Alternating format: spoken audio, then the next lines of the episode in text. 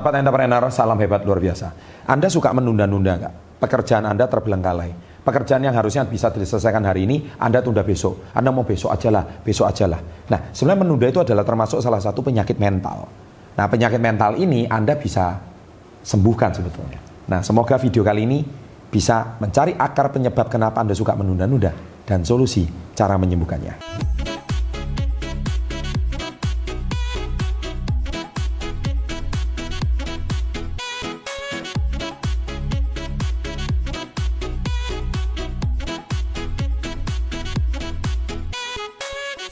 Oke, nah jadi gini, sahabat entrepreneur, uh, setiap orang itu pasti punya sisi malas atau sisi meremehkan. Ya, ketika Anda mencapai sesuatu, Anda akhirnya membuat segala sesuatunya itu menjadi Anda lebih baik Anda tunda. Jadi, saya melihat sebaiknya sih kalau Anda memang punya masalah seperti ini, saran saya itu cuma satu, uh, coba dulu lima tips ini. Siapa tahu Anda bisa menghilangkan sifat menunda tersebut. Ya, yang pertama, kerjakan yang prioritas. Jadi gini, mungkin Anda banyak yang harus dikerjakan. Lima hal yang harus Anda kerjakan. Catat. Nah dari lima itu, lingkari salah satu, mana yang harus diselesaikan dulu. Anda nggak bisa mengerjakan lima-limanya semuanya. Pilih lima. Setelah itu coret yang kedua, coret yang ketiga, baru masalah itu selesai. Dan itu Anda tidak akan menunda lagi. Dan itu sudah saya lakukan selama puluhan tahun belakangan. Dan itu berhasil. Akhirnya saya nggak pernah menunda ya. Nah itu boleh di tips. Jadi Anda breakdown, catat 5 hal atau 10 hal yang harus Anda kerjakan, coret dulu mana yang harus Anda kerjakan. Itu namanya menentukan skala prioritas. Yang kedua, breakdown pekerjaan tersebut menjadi beberapa bagian. Misalkan pekerjaan itu Anda terasa terlalu berat, maka Anda harus bisa breakdown. Contohnya gini, pekerjaan ini bisa diselesaikan dalam waktu berapa lama? Contoh tiga hari. Anda breakdown, ya kan? Breakdownnya adalah contohnya kalau tiga hari berat, anda breakdown mungkin menjadi, saya tiga hari itu mungkin perlu waktu 30 jam, satu hari 10 jam. Anda breakdown, satu hari saya harus selesaikan minimal 3 jam. Nah, sepercaya sama saya, 10 hari akan selesai. 3 jam kali 10, 10 hari selesai. Tapi kalau Anda merasa berat, akhirnya Anda letakkan, sampai kapan pun tidak akan selesai. Contoh menyelesaikan skripsi. Anda merasa ini berat, berat, berat, berat, nggak pernah jadi skala prioritas. Akhirnya malas, malas, malas. Akhirnya Anda tunda. Akhirnya sampai kapan pun skripsi tidak pernah akan selesai. Tugas akhir tidak pernah akan selesai. Kenapa? Karena Anda tidak di deadline. Dan Anda tidak punya prioritas. Dan akhirnya Anda tidak breakdown sehingga merasa itu berat. Ya jelas. Mungkin dulu bab satu. Bab satu nggak selesai, mau maju bab dua. Bab satu aja nggak maju-maju. Padahal mungkin harus selesai enam bab.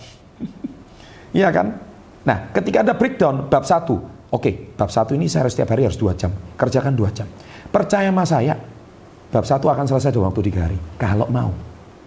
Nah itu namanya Anda breakdown. Oke, okay, satu hari ini dua jam saya harus progres maju sampai ke sini. Seperti itu. Nah yang ketiga, mulai dari yang berat terlebih dahulu. Nah maksudnya itu apa? Sama seperti kalau Anda makan. Biasanya makan itu Anda ada apanya? Ada nasinya, ada telurnya, ada dagingnya. Anda suka makan yang mana dulu? Biasanya yang paling enak Anda sembunyikan paling belakangan. Sama. Anda makan dulu yang Anda anggap berat. Ketika Anda anggap berat, maka otomatis mindset Anda itu, wah, bukannya wah yang ringan selesai, tidak. Ketika yang berat aja bisa selesaikan, mindset Anda itu mana? Wow, ternyata gampang juga ya. Ternyata masalah seberat ini saya bisa selesai juga ya. Kenapa nggak bisa? Contoh Anda diberikan tugas di kantor. Ada lima tugas, Anda harus kirim. Uh, sebagai kurir, kirim yang paling jauh dulu. Jangan yang paling dekat. Anda paling jauh, akhirnya Anda merasa yang jauh itu pun akhirnya jadi dekat. Nah, sama seperti itu. Itu semua cuma masalah mindset. Bagaimana kita bisa mengibuli mindset kita. Ya, salah satunya pernah sewaktu saya belajar NLP, Anda mau ada orang mau menurunkan berat badan. Kenapa? Karena di semua gym, di Gold Gym, di Celebrity Fitness, itu kenapa setiap Anda orang treadmill atau lari di depan itu pasti ada layar televisi. Kenapa? Nah itu namanya mengalihkan perhatian. Pekerjaan yang berat yaitu treadmill anda mungkin kalau setengah jam Anda lari, Anda akan merasa capek. Kenapa? Anda fokus sama prosesnya. Tapi ketika pikiran Anda dialihkan, mengalihkan perhatian pada televisi, maka Anda akan fokus sama televisi. Apalagi pertandingannya sepak bola, pertandingannya basket, atau nonton sinetron kesukaan Anda, atau nonton film kesukaan Anda yang lagi seru.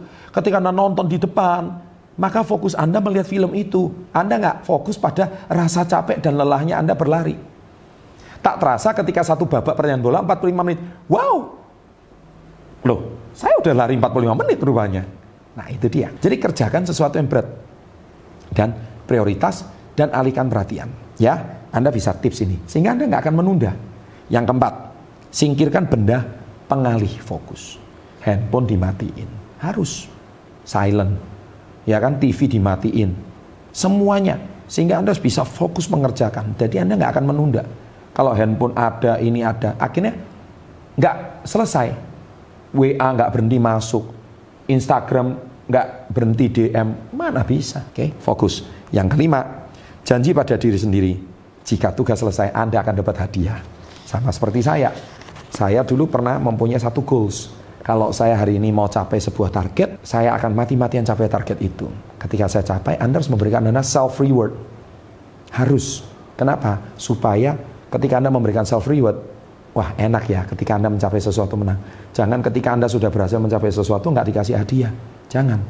Maka pikiran bawah sadar Anda akan merekam bahwa when you achieve something, ketika Anda mencapai sesuatu, pikiran Anda dienakkan. Wow, dan akhirnya pikiran bawah sadar Anda tidak konflik. Akhirnya pikiran bawah sadar Anda, wah ternyata enak juga ya kalau ngerjain PR. Dari yang dulunya besar, dari yang dulunya berat, akhirnya jadi ringan.